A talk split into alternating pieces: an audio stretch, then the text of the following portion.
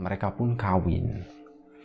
Harry sama sosok perempuan tadi, perempuan tua tadi, itu melakukan sesuatu yang nggak pantas dilihat gitu ya, yang nggak enak dilihat sebenarnya.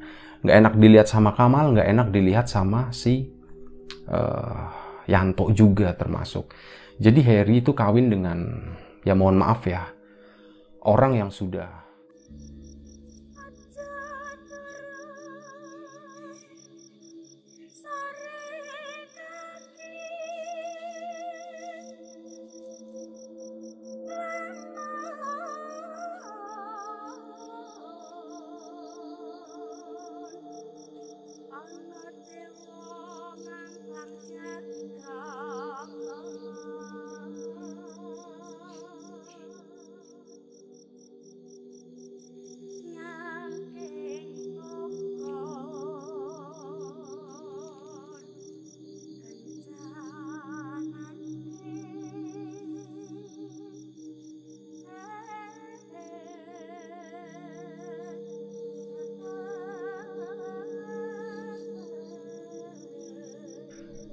dari tadi sore hujan deras banget dan baru sekarang berhenti sekitar jam 23 lewat 20 menit. Dan ini malam Jumat Kliwon ada suatu cerita. Itu yang bakal gue ceritain. Cerita tentang pesugihan. Banyak nih yang request gitu cerita tentang pesugihan. Makanya kali ini momennya kayaknya bagus banget malam Jumat Kliwon dan sekarang udah jam 11 lewat. Seperti biasa, sebelum ke cerita, gue pengen ngucapin banyak-banyak terima kasih buat kawan-kawan subscriber semuanya. Terima kasih buat kawan-kawan yang udah ngasih support, udah ngasih dukungan. Terima kasih juga buat kawan-kawan yang udah ngasih like, udah nge-share ke yang lainnya. Dan nggak lupa, terima kasih banyak buat kawan-kawan yang udah ninggalin komentar. Terima kasih banyak semuanya cerita ini dialami oleh tiga orang, tiga serangkai gitu ya, apa kayak tiga orang sahabatan gitu, namanya Harry, Kamal, sama Yanto. Ini nama udah gue samarin. Mereka tuh tinggal eh, nggak uh, terlalu jauh dari tempat gue, mungkin cuma kayak beda RW aja. Dan suatu hari ceritanya, mereka bertiga ini, mereka tuh udah kenal dari kecil emang kawan kecil dan akrab karena satu kampung terus ya. Ya tiap hari nyampe gede, sampai mereka udah keluargaan. Dan waktu itu tuh kurang lebih usianya sekitar 35 sampai 40 tahun mereka itu.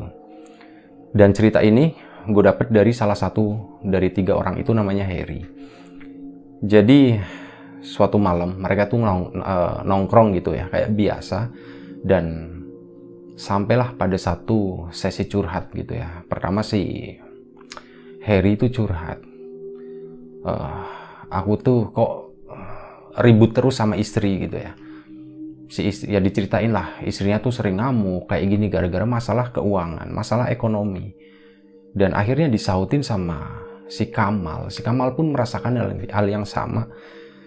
Jadi memang beberapa bulan ini mereka tuh memang lagi agak kesulitan masalah ekonomi agak kesulitan masalah uang dan itu kayak jadi salah satu masalah dalam rumah tangga ya. Sebenarnya masalah klasik itu sih. Siapa pun yang namanya berumah tangga kemungkinan gitu itu pernah mengalami hal itu. Banyak orang banyak keluarga pernah mengalami masalah ekonomi seperti itu.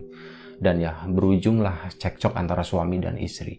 Nah waktu itu dialami sama Harry sama Kamal dan mereka tuh curhat di situ bertiga dan Sianto tuh cuman diem aja. Dia tuh nggak cerita banyak. Dia lebih cenderung mendengarkan waktu itu.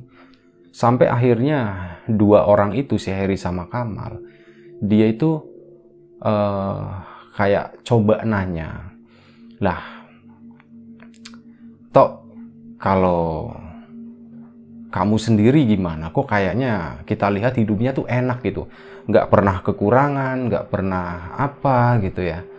Kayaknya mulus-mulus aja, kerja nggak jelas, tapi bisa beli ini, bisa beli itu.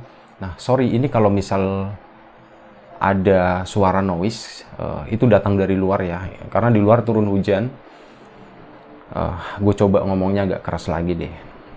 nah udah uh, mereka nanya gitu kan ini gue uh, apa namanya detailnya konver apa obrolan mereka tuh gue kurang tahu juga karena ya gue diceritain sama Harry ya. Detailnya nggak diceritain juga secara garis besar doang. Jadi kayak gitu ditanya seperti itu akhirnya si Yanto pun ngebuka. Bro jadi gini jujur ya tapi kalian tuh jangan bilang ke siapa-siapa. Kalian jangan cerita ke siapa-siapa pokoknya. Cukup kalian berdua aja. Kita aja yang di sini. Jadi beberapa bulan ini udah hampir setahun, aku tuh melakukan sesuatu, suatu ritual, suatu pesugihan gitu. Lah, ngedenger kayak gitu, itu si Harry sama Yanto itu kaget banget. Gila lo gitu. Terus mau ngorbanin istri sama anak gitu lah nanti kita kita bisa jadiin bisa dijadiin tumbal juga gitu dong. Nah itu kata mereka kagak santai aja. Ini pesugihannya tuh beda. Nggak ada tumbal-tumbalan gitu. Lu cukup datang ke sana enak bro katanya. Enak gimana ya enak lah pokoknya. Pertama kayak gitu ayo dong ceritain dong kayak gimana gitu. Lah kalian minat nggak? Ditanyain sama si Yanto. Uh, si Harry sama si Kamal tuh sempat mikir sejenak gimana ya gitu. Tapi nggak beberapa lama akhirnya oke okay deh uh, ayo deh kita berangkat katanya. Mereka berdua tuh langsung setuju. Mungkin karena faktor ekonomi tadi ya dan ya ada faktor-faktor lain. Kawan-kawan mungkin lebih tahu lah. Dan setelah mereka ngomong kayak gitu akhirnya si Yanto pun ngebuka. Jadi gini ini pesugihan itu agak sedikit unik ya. Jadi metodenya itu cuman kawin gitu. Kawin dengan satu sosok. Mereka tuh nyebut, uh, sorry, Sianto itu nyebutnya Nyai. Nyai siapa? Uh, disebutin tapi gue lupa namanya siapa. Ya udah Nyai aja gitu ya.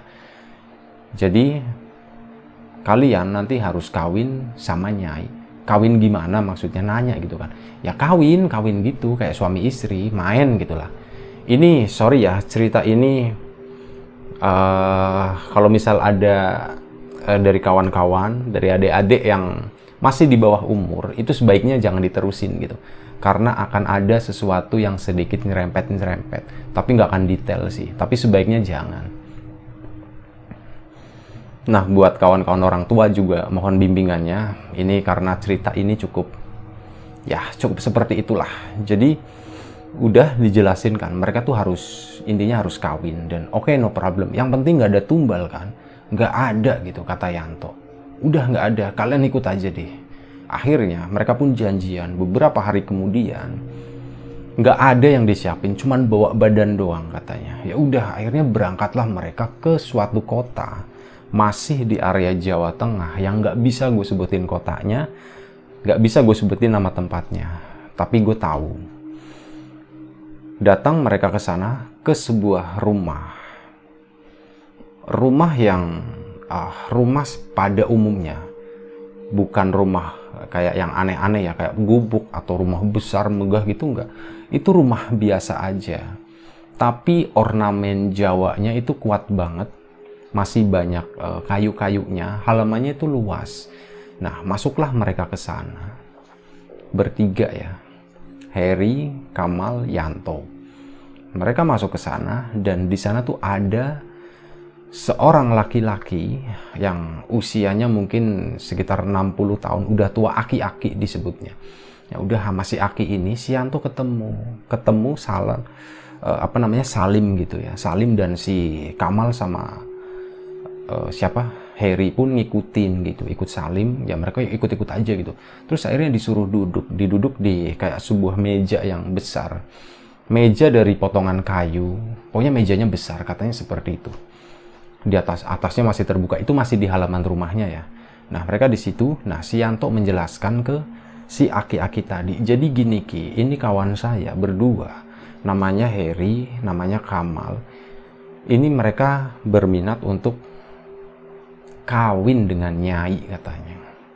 Nah, si aki-aki itu cuman kayak uh, ketawa doang, nggak banyak bicara. Terus udah kayak dilakuin, dikasih penjelasan sejenak. Tapi nanti ya, ini penjelasannya tuh kayak semacam merunutan yang nanti bakal gue ceritain uh, garis besar prosesnya.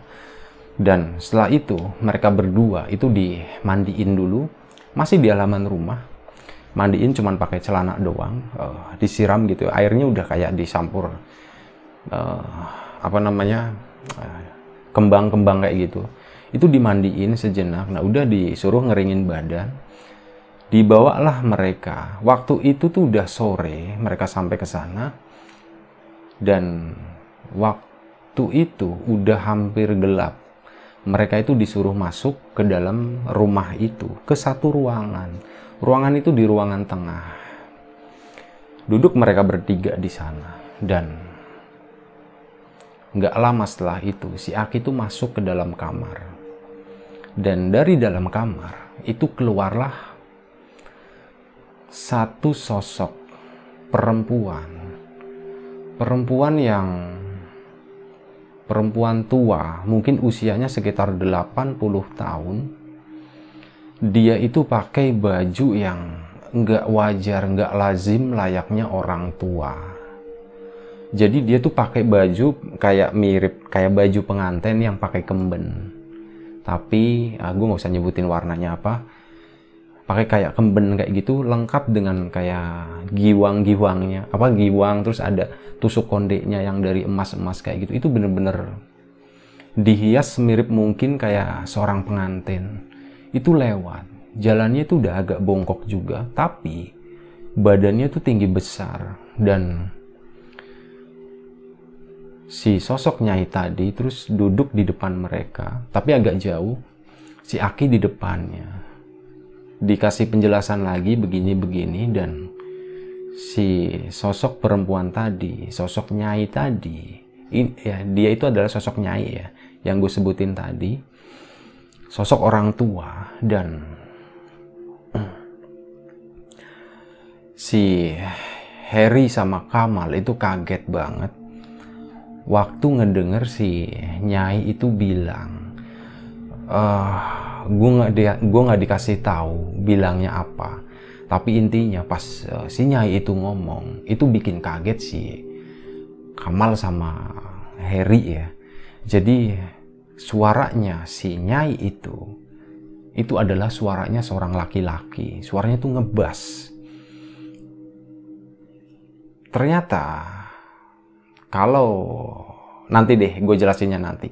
Jadi sore itu mereka berdua itu harus harus kawin dengan Nyai tadi dengan sosok yang udah tua. Dan Sianto itu ngejelasin tenang aja bro. Ini yang kalian lihat itu tua kan tapi kalau kalian udah ngelewatin garis yang itu yang di depan itu sosok yang sosok Nyai itu akan jadi sosok yang cantik banget katanya. Itu seperti itu. Kata Yanto. Udah akhirnya dengan segala keraguan Harry dan Kamal pun melakukan hal itu. Melakukan mereka kawin. Pertama si siapa sih Harry? Dia maju dulu dibimbing sama Aki. Disambut sama si sosok Nyai tadi. Dan bener aja mereka tuh kawin di situ dan saat uh, mereka kawin jadi gini, waktu mereka masuk itu udah disiapin kayak kain kafan. Ada dua biji, yang satu buat Harry, satu buat Kamal. Kain kafan yang nggak terlalu lebar. Dan kain kafan itu setelah si Harry itu buka baju semuanya, kain kafan itu diikatin di perut kayak dipakai buat sabuk kayak gitu. Diikat di samping ya. Di sini diikat di samping. Nah, setelah itu mereka pun kawin Harry sama sosok perempuan tadi, perempuan tua tadi, itu melakukan sesuatu yang nggak pantas dilihat gitu ya, yang nggak enak dilihat sebenarnya. Nggak enak dilihat sama Kamal, nggak enak dilihat sama si uh, Yanto juga termasuk. Jadi Harry itu kawin dengan, ya mohon maaf ya, orang yang sudah sangat sepuh, uh, dan sosok itu adalah sosok yang nggak jelas. Laki-laki bukan, perempuan itu bukan. Jadi uh, istilahnya itu apa ya? Si nyai itu ya, itu tuh kayak hermaprodi. Atau uh, ambigus genetika atau ah gue lupa istilahnya tuh apalah. Intinya kayak dalam satu badan itu ada dua kelamin. Ini di kalau nggak salah di medis itu ada juga kelainan seperti ini. Nah, itulah yang terjadi itulah yang terjadi di si diri si nyai itu. Apa yang uh, mereka lihat ya, si Kamal sama si Yanto lihat. Ya, apa yang mereka lihat di luar garis itu, si Harry itu kawin dengan sosok itu ya, sosok yang ya nggak enak dilihat lah intinya tapi udah nggak lama kemudian Harry pun selesai, Harry pun keluar dan ya dengan penuh keringat kayak gitu. Dan mukanya tuh berseri-seri kayak itu kayaknya seneng bahagia gitu ya. Dan Harry tuh balik lagi duduk. Itu ditonton ya sama mereka berdua sama Aki juga. Nah Harry balik lagi duduk di situ. Harry tuh kaget dia tuh dia sempat istighfar katanya Astagfirullahaladzim gitu. Ya balik lagi saat dikawin, kata Harry itu adalah sosok yang sangat cantik. Perempuan yang sangat cantik dan itu adalah wanita tulen gitu ya. Tapi setelah Harry balik lagi ke tempat, itu adalah makhluk dengan mohon maaf dengan kelamin ganda tadi. Akhirnya sorry ya, gue jadi sambil ngebayangin juga nggak enak uh, itu pun dilakuin disusul sama si Kamal. Kamal pun melihat seperti itu jadi makin ragu gitu ya. Tapi ya waktu itu dipaksa-paksa juga. Sebenarnya sempat bingung katanya, tapi dipaksa si Yanto, dipaksa si Aki gitu. Akhirnya dia pun maju buka baju dan kain kafannya tuh diiketin di sini. Dan mereka main di situ ditonton gantian sama yang lainnya. Setelah itu disusul juga sama si Yanto. Yanto pun seperti itu dan ya udah akhirnya mereka bertiga semuanya kawin. Hari itu juga ditonton.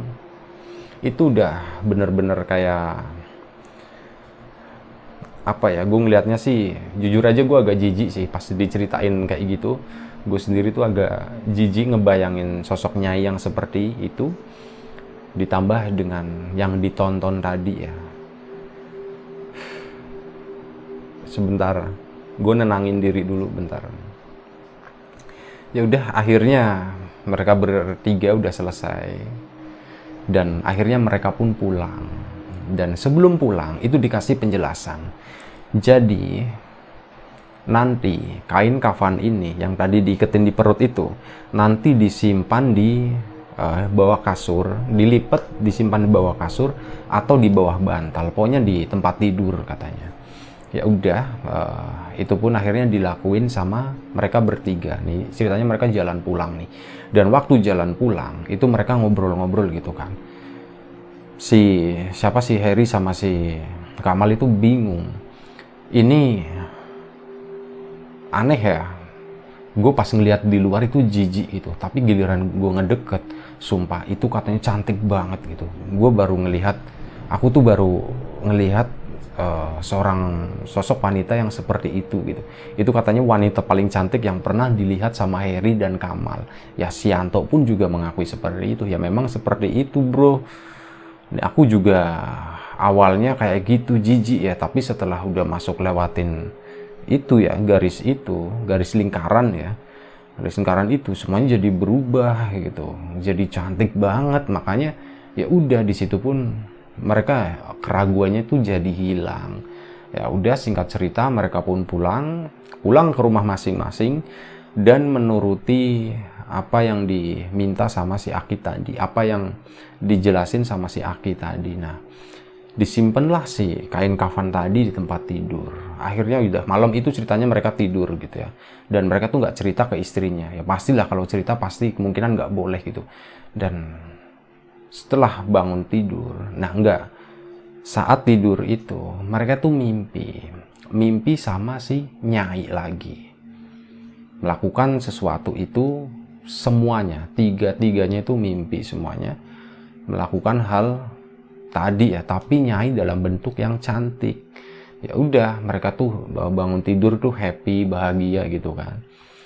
Dan mereka ingat gitu oh sebelum tidur mereka naruh sesuatu suatu bungkusan kain kafan itu di ada yang di bawah bantal ada yang di bawah tempat tidur. Nah setelah itu diambil paginya pas dibuka itu di sana tuh ada butiran-butiran emas yang katanya tuh gedenya tuh kayak segaram yang kasar segitu sama ada yang ya yang kecil-kecil tuh seukuran beras atau bahkan yang ukuran gula pun ada gitu jadi kayak gitu ada beberapa biji banyak dan waktu itu kalau kata si Harry emas itu kalau ditakar ya, kalau ditimbang itu kurang lebih beratnya setiap hari ya. Itu tuh mereka dapat emas itu setiap hari. Jadi emas itu akan muncul di situ dengan bobot kurang lebih antara 3 sampai 5 gram.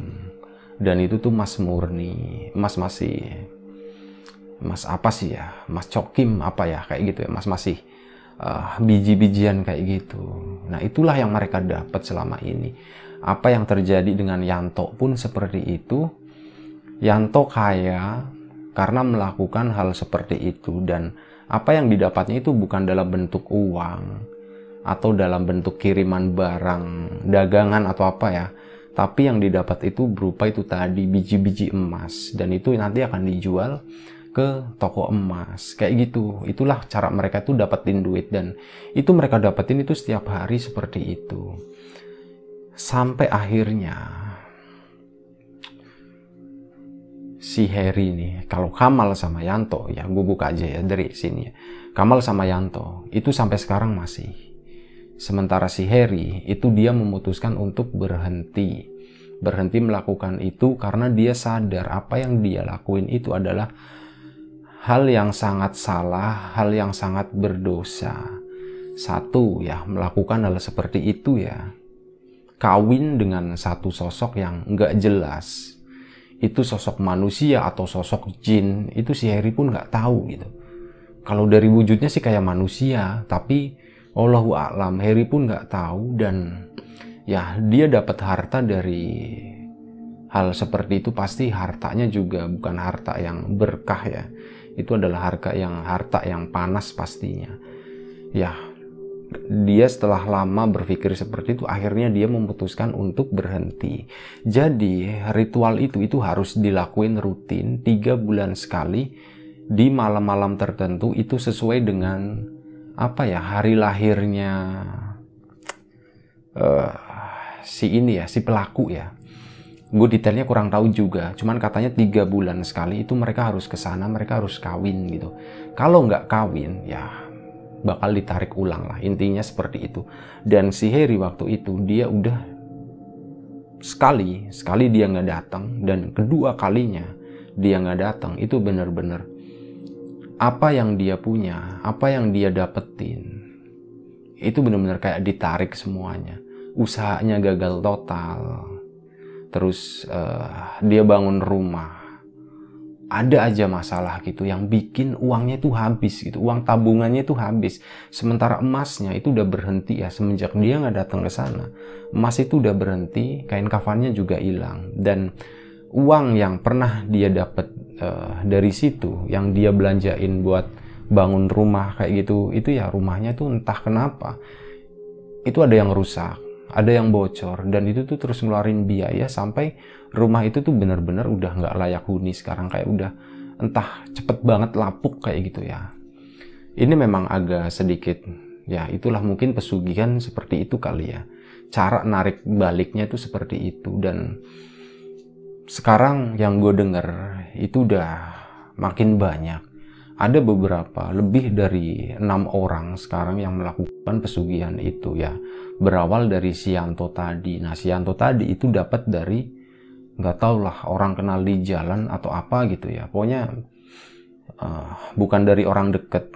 Tiba-tiba ada yang menawarkan itu Sianto mau dan jadilah seperti itu. Dan ya itu kayak berantai kayak gitu. Dan katanya kalau ini jadi kayak apa ya? Kalau uh, ngebawa seseorang ke sana itu katanya akan dapat bonus. Jadi emasnya tuh nanti akan tambah banyak kayak gitu. Ya kurang lebih seperti itu ceritanya. Tentang si nyai yang tadi ya nyai yang hermaprodit. Mirip katak ya. Katak itu kan punya dua kelamin dalam satu badan. Jadi biarpun dia nggak ada pasangannya dia masih tetap bisa berkembang biak. Dan tapi beda dengan nyai ya. Nyai beda karena dia nggak tahu ya manusia atau jin gue juga nggak tahu. Tapi dari yang Harry lihat di luar ya saat di luar itu kelihatan banget. Maksudnya dari kelaminnya itu ada dua. Aneh lah pokoknya. Dan ya seperti itulah ceritanya. Kurang lebih seperti itu ya. Ini gue udah agak gerah juga. Malam Jumat Kliwon bro. Udah hampir jam 12 malam sekarang. Dan gue mohon maaf misal ada sesuatu yang nggak menyenangkan. Ada sesuatu yang nggak enak didengar waktu gue cerita ini. Ya segala sesuatu yang bikin nggak nyaman ya mohon dimaafkan. Uh, kita ambil sisi positifnya kita buang jauh-jauh sisi negatifnya. Yang jelas yang namanya pesugihan itu nggak akan pernah bawa berkah gitu. Kalau mau kaya kalau mau dapat rezeki yang enak ya kita harus bekerja gitu. Karena sebenarnya kalau masalah rezeki kayak gitu itu bukan di jumlahnya tapi di berkah atau tidaknya gitu. Uang banyak belum tentu berkah. Dan uang banyak nggak berkah itu nggak akan kerasa gitu akan menguap begitu aja. Tapi kalau kita dapat sedikit dan uang itu berkah itu ya benar-benar nikmat. Dilalah gitu ya kalau orang Jawa bilang kita dapat sedikit tapi kayaknya semua kebutuhan itu udah ketutup udah kepenuhi semuanya. Itulah yang kekuatan dari berkah itu tadi. Makanya ya sekalian maksudnya melalui cerita ini cuma mau ngingetin kawan-kawan bukannya mau sok, sok bijak atau gimana tapi jauhi yang namanya pesugihan kayak gitu. Jauhilah hal-hal yang bersekutu dengan jin kayak gitu. Pasti ada konsekuensinya dan konsekuensinya itu ya pasti bukan sesuatu yang positif. Makanya sebaiknya hindari jauhi dan jangan pernah melakukan hal itu Nah, terima kasih banyak buat kawan-kawan yang udah mau nonton, udah mau dengerin cerita ini. Sekali lagi gue mohon maaf kalau misal ada kesalahan di sana sini. Gue mohon maaf misal bawain ceritanya juga nggak nyaman. Dan gue mohon maaf misal ada sesuatu yang kurang yang belum gue ceritain ya. Nanti biasalah. Kalau banyak pertanyaan, nanti kita akan bedah di channel Riam Biru ya. Bedah cerita kawin ini. Nah, terima kasih banyak. Sekali lagi, Jaga kesehatan kawan-kawan semuanya. Assalamualaikum warahmatullahi wabarakatuh.